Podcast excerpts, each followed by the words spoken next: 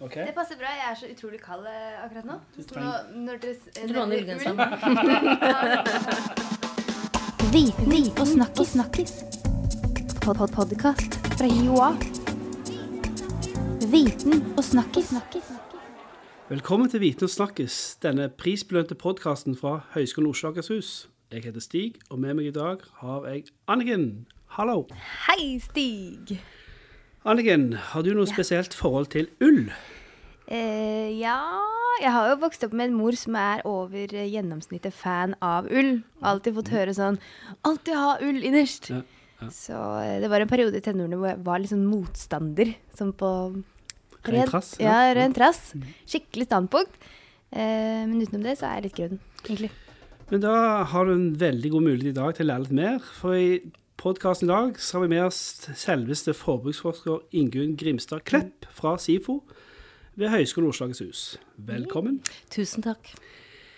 I dag skal vi bl.a. snakke om ull, klær og moter og litt til. Men først, du Ingunn, ble tilbudt Forskningsrådets formidlingspris for 2016. Yay! Det er jo fantastisk. Ja, det er helt fantastisk. Jeg var helt på gråten når jeg fikk vite det. Ja. Tidligere vinnere har jo vært bl.a. Frank Aabrot og Thomas Ullin Eriksen, så dette må det er jo stort. eh. Hva, hva føler du nå, da?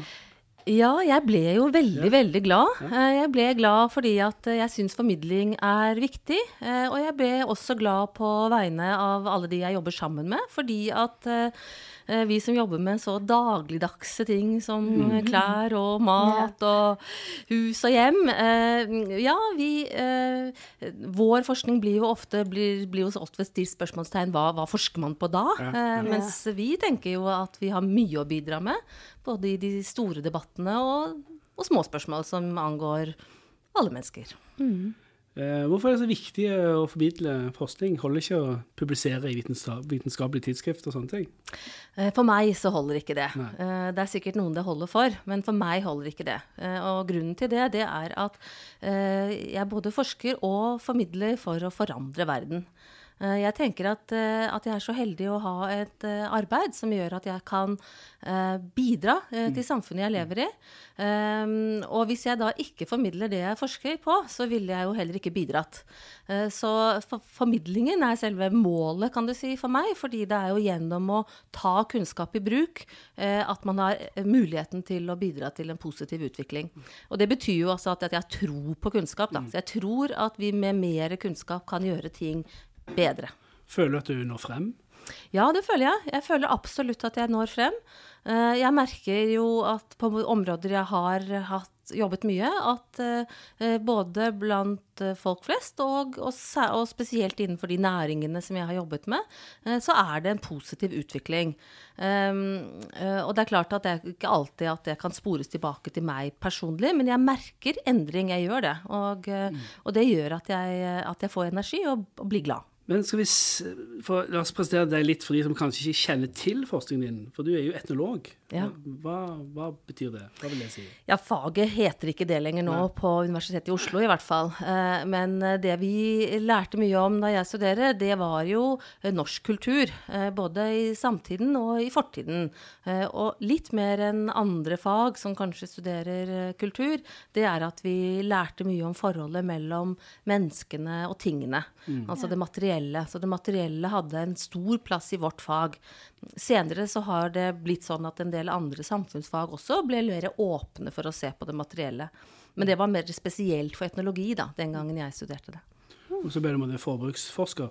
Ja. Ja, og så ble jeg forbruksforsker. eh, Og det ble jeg fordi at jeg ønsket å jobbe et sted jeg kunne jobbe med klær. Mm. Og da var det ikke så mange mm, institusjoner, det finnes jo ikke så mange steder i Norge hvor, hvor det er aktuelt å jobbe med klesforskning. Mm. Og på SIFO så hadde vi den gangen fantes det laboratorier, tekniske laboratorier, og jeg hadde veldig lyst til å jobbe med tverrfaglighet og de tekniske sidene av, eh, av klærne sammen med det som har med menneskene å gjøre. For jeg syns det er spennende å veksle mellom å forstå eh, hvordan ting er, altså skal vi si, det virkelige, det faktiske, og hvordan vi tenker og snakker om tingene. Så den vekselvirkningen mellom det faktiske og det vi si, det språklige eller fortolkende, det er min, eh, min hovedinteresse faglig, da. Du, eh, du har forsket bl.a. på klær i en miljøsammenheng. Ja. Eh, sånn, I hvilken grad vår forbruksvekst er en miljøbelastning. Kan du Ja, fortelle litt? jeg har ikke jobbet så mye med grader. Eh, Nei. For å jobbe med grader så er man nødt til å kunne telle bedre enn meg. Men det jeg har jobbet mye med, det er endring. Altså hvordan man kan komme fram til lavere miljøbelastning. Ja. Eller det vil si hvordan vi kan stoppe økningen i miljøbelastningen. Og det har jeg jobbet med både i forhold til klær, men også i forhold til eh, fritidsforbruk og, og andre områder. Ja. Mm. Men eh, miljø er vel kanskje de den hovedoverskriften på flest prosjekter jeg jobber med, og også da nå som jeg jobber mest med ull. Men hva er problemet med, med, med, med forbruksveksten i dag? Hva, Ja, Problemet med forbruksveksten det er at eh, det er en ønsketenkning så langt å redusere miljøbelastningen og samtidig øke forbruket. Eh, og, og Derfor så er vi nødt til å gjøre begge deler. Vi er nødt til å forbruke færre ting, og så er vi nødt til å produsere de tingene vi produserer på en bedre måte, altså på en mindre miljøbelastende måte. Eh, sånn at det vi jobber med, det er jo å få skal vi si, levestandarden eller formålet med forbruket til å være på et høyt nivå, mens derimot mengden av ting til å reduseres. Så det er et, et hovedspørsmål. Og innenfor klærnes verden så har det gått full fart i feil retning. det, det vet vi alle som kjøper nye klær på Hennes Mauritz hver uke. Hvor mye ofte kjøper du klær, Anniken? Um, Cirka én gang i måneden, dessverre. Litt for ofte. Er det for mye? Altså, eh, eh, å spørre om enkeltpersoner på den måten, det er vel kanskje ikke det. Men totalt sett så har vi altså økt eh, forbruket vårt i mengde 67 på 20 år. Og det er en, altså, det er en eksplosjon, Ja. og, det eh, det- og tingene har ikke blitt bedre. Så, så dette er et, et, et, et eh, problem. Og i tillegg til det så er det et problem at vi vasker oftere og oftere. Så begge disse problemene, Ja. så både mengden Mm. og vaskehyppigheten, må det gjøres noe med. Og det er et av de spørsmålene jeg jobber mye med. da. Men hva kan vi gjøre med det, da? Folk vil jo ha nye klær, og folk vil jo gjerne Mm. ha rene klær på seg òg. Ja, det sier du, men det er ikke sikkert at det er sant. Altså Stort sett så liker jo folk best det de er eh, vant til. Du vet, Man liker best de vennene man har. Eh, så det er mye som tyder på at folk i grunnen liker, eh, liker ting de har vent seg til. Eh, og veldig mye av det som kjøpes, kjøpes jo likt. Altså eh, hvis du først liker sorte T-skjorter, så er det sorte T-skjorter du kjøper. Så, så det, det med at man vil ha noe nytt, det er en, en påstand. Eh, og eh, den påstanden er jo godt støttet av, av eh, reklame. Eh, Og i det hele tatt så er det jo slik at markedskreftene er ganske sterke. F.eks. på klesområdet. Og så er det få andre stemmer som er der ute og snakker om hva eh, klær er, og, og hvorfor vi gjør som vi gjør. Jeg merker også at jeg blir veldig påvirket av sosiale medier. Jeg vet at sosiale medier får skylden for uh, alt mulig for tiden, men uh, hvis jeg er fornøyd med noe jeg har kjøpt meg, og så går jeg på sosiale medier og ser jeg noen sånne veldig fancy folk som har på seg altså, fancy klær fra topp til tå, så blir jeg med en gang litt sånn Å, kanskje jeg burde kjøpe noe, jeg òg. Det irriterer meg egentlig ganske mye. Ja, men kanskje det er eh, Kanskje ikke det er de sosiale mediene, men kanskje det er den tanken om at uh, ingenting er bra nok, og mm, at du hele tiden skal det. bli bedre, Ja. en bedre versjon av deg selv. Og det er jo selve hovedbudskapet i reklame. At Mm. ingen er pene nok, og ingen har fine nok klær, og ingen er Altså det er, det er alltid noe som burde vært bedre. Ja. Så jeg tenker at det er mer den ideen om, uh, om at endring i seg selv er positivt, og at det nye er en garanti for skjønnhet og velvære og lykke. Og begge deler er jo feil. Ja, ja. Ja, en ting som er litt sånn paradoksalt, det med det, altså en type eh, klær man bruker i til sånn friluftsliv og i natur Mm. og sånne ting. Der er det veldig sånn eh, fokus på nytt utstyr og nytt, nye klær til ditt og det ene og det Det andre. Det er jo litt paradoksalt. eh, det, ja. Ja, det er det absolutt. Og vi har hatt eh, tidligere prosjekt om akkurat dette. Altså forholdet mellom fritiden og miljøbelastningen. Og, og nå har vi en ny søknad på akkurat det samme området. Den gangen, den gang vi jobbet med det, var det miljø som var overskriften, og nå er det klima. Men uh, uansett er jo uh, utfordringene noe av det samme, nemlig dette med at vi på et vis tar fri fra eh, tankene om, om hva som er riktig å gjøre når vi har fri. Så, så, her er det mange sterke drivkrefter, og ikke bare ønske om noe nytt, men også eh, knyttet opp til funksjonalitet og sikkerhet og, mm. eh, og, og, en rekke andre ting som gjør at denne, denne, delen av forbruket veldig ofte anses som et, en riktig forbruk, eh, og, og, derfor også lett å og, skal vi si, kaste seg over. Mm. Har jo blitt avhengig av moter. Uh, ja, altså jeg uh, er jo Jeg tenker jo at mote er et ord som veldig ofte brukes når vi snakker om klær. og hvis jeg ser på hvordan klær ser ut, og hvordan de har skiftet utseende gjennom de siste 100 år, eller de siste 10 år, så er det faktisk slik at de fleste andre ting har endret seg raskere. Mm. Utseende på biler, f.eks. Ja, eller, eller um, bøker, for den saks skyld. Mm. Um, så bare se på noen gamle bilder, og tenk mm. kan jeg gå i de klærne? Og mm. kunne den bilen på en måte sett mm. sånn ut hvis den ble produsert i dag? Og det er også sånn at hvis du spør en forsamling hvor gammelt er dette klesplagget, så vil de ikke klare det. Så jeg syns at uh, mote sånn sett er, er overdrevet mm. uh, når det gjelder klær. Det er brukt som et argument for å få folk til å kjøpe ja. noe nytt hele tiden. Og de fleste mm. følger altså ikke med på dette. Uh, så, så, så, det er sagt. Når det gjelder det som skjer akkurat nå, så er det en en, skal vi kalle, kalle, det en krise i hele det som da er et, det motesystemet. Mm. Eh, og det gjør at eh, det på mange måter kan sies at mote i dag er gammeldags. Eh, at vi har vært gjennom en periode hvor vi har utviklet et system for produksjon og handel med klær globalt, og at dette systemet bryter sammen eh, i dag. Og da må vi finne på noe nytt og annerledes. Og da er det viktig at vi bruker anledningen til å akkurat nå komme med nye ideer og ny kunnskap, slik at det nye som vokser frem, blir bedre. Og miljøvennlig. Ja. Mer miljøvennlig, og bedre også for det enkelte mennesket. For det er jo ikke slik at disse 67% mer klær har gjort folk 67% mer fornøyde med sitt Nei, eget utseende. Det var et godt innspill. Ja. Så, Så vi, ja. vi, må simpelthen få eh, mer skal vi si, funksjon ut av forbruket. Vi må, mm. vi må, forvente at når vi bruker mer, så må vi også bli mer fornøyde. Og hvis ikke, så er det altså en, si, en, en tilbakegang i forhold til å utnytte ressursene. Ja, eller være opptatt av andre ting enn forbruk. da. Bli fornøyd på andre måter enn ja. gjennom forbruk. Eller det er moralistisk, det, kanskje? Ja, eller, forbruk, eller, eller at forbruket organiseres på andre måter. Mm. Uh, det er jo ikke bare ting dette handler om. Det er jo også uh, hvordan vi bruker tingene, hvordan vi deler tingene, uh, hvor lenge tingene varer, mm. hva vi eier og hva vi låner. Og, ja, det, er, det, er, en masse forskjellige spørsmål som dette reiser. Ja, Det er viktig at klær varte mye lenger før. Altså, jeg har noen små barn, og de bruker en av mine T-skjorter fra 1980-tallet, mm. som er fortsatt like, like fin, mens nye T-skjorter i dag ja. de er både ødelagt på et halvt år. Ja. Eh, det er nok mange av de tingene som i dag som, eh, som kunne vare lenger enn de varer. Mm. Eh, men uansett så er det forholdet da mellom den, skal vi si, den tekniske levetiden og den sosiale et viktig spørsmål. Ja, mm. ja.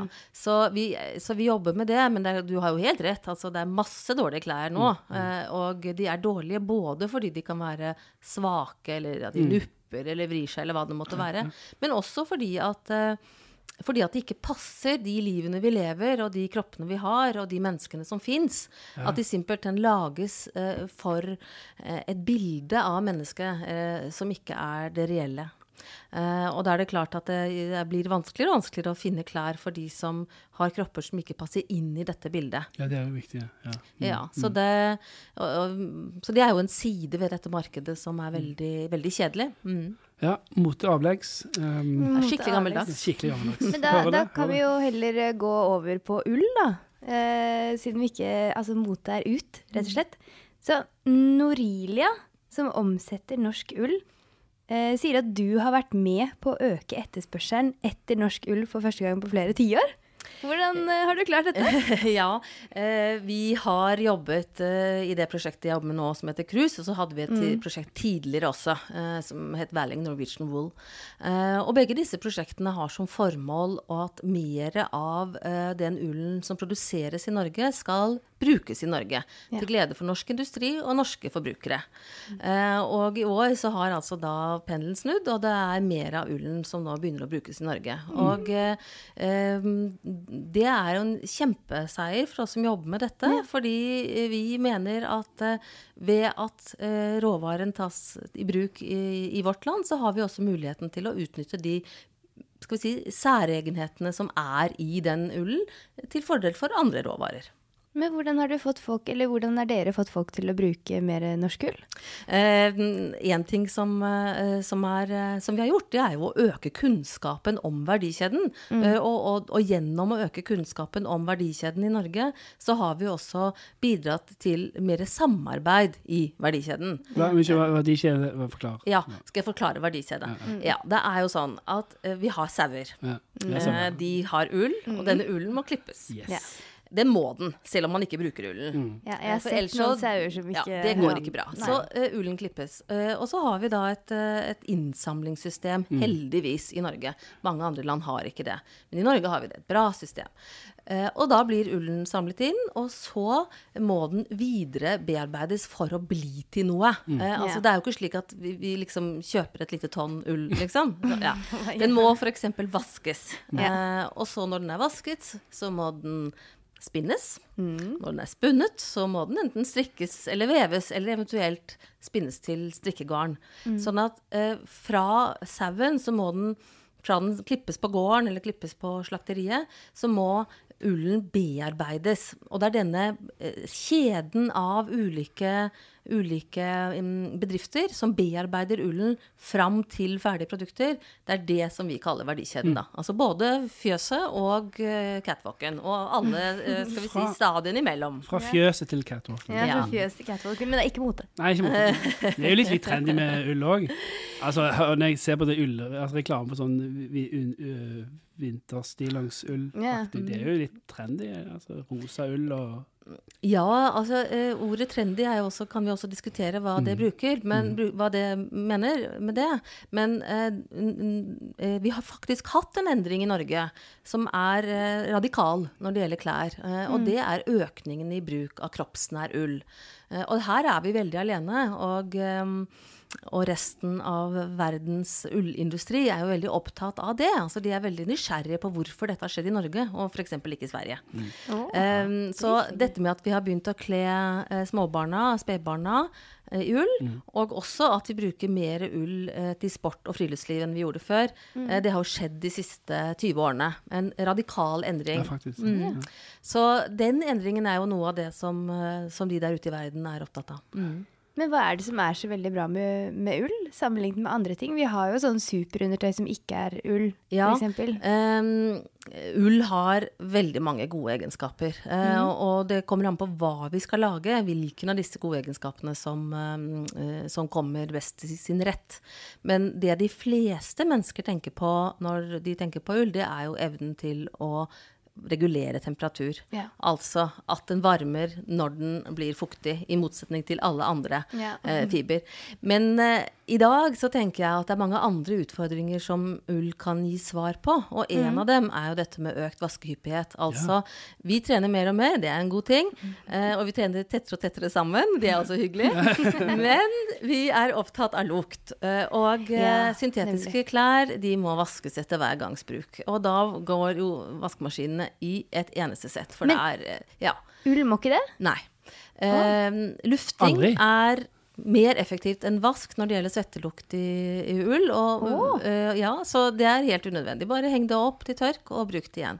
Så mm, jeg tenker at uh, akkurat det med lukt er en, en ting som vi får kommer til å se en utvikling av, hvor vi får mer bruk av, eh, av ullklær. Nettopp fordi vi også ser en utvikling mot at, at sportspåkledningen dominerer mer i dagliglivet. Altså at du går frem og tilbake til trening, også i sportsklærne. Ja. Og da er det jo enda større poeng at det ikke lukter. Eh, det går an å gjøre noe med syntetiske tekstiler også, men da må vi inn på hard kjemi som ikke er noe bra for naturen. Så, Og det samme gjelder en del av de andre egenskapene ull har, f.eks. Um, flammehemming. Altså, eh, Ja, det det går går an å gjøre andre materialer mindre blendbare, men da må vi igjen bruke ganske harde midler. Og noe av utfordringen nå er jo å få til eh, gode produkter uten å bruke for mye f.eks. miljøgifter. Ja, ikke sant. Nettopp. Fantastisk. Ull er jo helt genialt. Ja. Jeg har til og med hørt at uh, dette visste ikke jeg før kanskje noen måneder siden. At uh, jeg trodde før at ull bare holdt va på varmen. Men eh, det er jo også for å hindre at varmen kommer inn. Ja, ja. eh, Det er faktisk slik at, eh, at den regulerer både opp og ned. Altså at du har glede av ull, enten det er fordi det er for varmt, eller fordi det er, fordi det er for kaldt. Og hvis du gjør deg et lite forsøk på å, å trene i et varmt rom med en ull-T-skjorte istedenfor en T-skjorte i et annet materiale, så vil du oppleve at den blir mindre svett, og at du blir ikke plaget av at den er varm. Det er jo Eh, helt Så bare prøv. Virkelig. Men det er altfor lite, for lite treningstøy som lages av ull, egentlig. Det burde være mer. Eh, ja, og jeg, det er en del som er laget i ull nå, og det kommer mer. Eh, så, men, men alt det vi da snakker om, altså alt kroppsnær ull, er jo laget i dag, da. Lages i dag av merino, merino. Eh, og det er en rase vi ikke har i Norge. Okay. Eh, så jeg jobber en del med merino, og jobber en del nå, ikke sant? Den store industrien i verden er jo en merino-basert industri. Eh, mens vi i Norge har andre, andre raser. Okay, Men alle vet jo at ull klør. Det, alle husker det. Ja, ja, man husker- har jo det. ah. Traumatiske minner. Ja, eh, jeg har hørt om det jeg òg, uh, før. ja. Nei, altså eh, For noen er det en stor plage, og for andre er det det ikke. Eh, og eh, den følsomheten vi har overfor sånne ting, er, er forskjellig. Eh, men eh, den, eh, den internasjonale ullindustrien har jobbet veldig mye med å gjøre fibrene tynnere, og dermed eh, slik at færre skal oppleve at de klør. Eh, når det gjelder de eh, grovere fibrene, så er det jo annerledes. Eh, og derfor er det jo også slik at mye av vår norske ull, den eh, passer ikke til undertøy. Men det kan man jo istedenfor å si at den ikke passer til undertøy, kan man jo si at den er så fin at det er best å ha den utapå. Ah, ja. Ah. ja, men altså, ull er Takk sau uh, at uh, ullen fins. Den er, kan jo redde verden. Altså, vi får håpe at vi får mer ulltøy på andre ting. Ullskjorter, for eksempel. Vi kan uh, vel i hvert fall håpe at alle råvarer som blir produsert, blir tatt godt vare på. Eh, og eh, at vi ikke kaster råvarer. Og det er vi opptatt av. Og det er faktisk slik at eh, det er ikke all ull som produseres i Norge som blir til produkter. Noe blir faktisk kastet fordi at prisene på råvaren er for dårlige.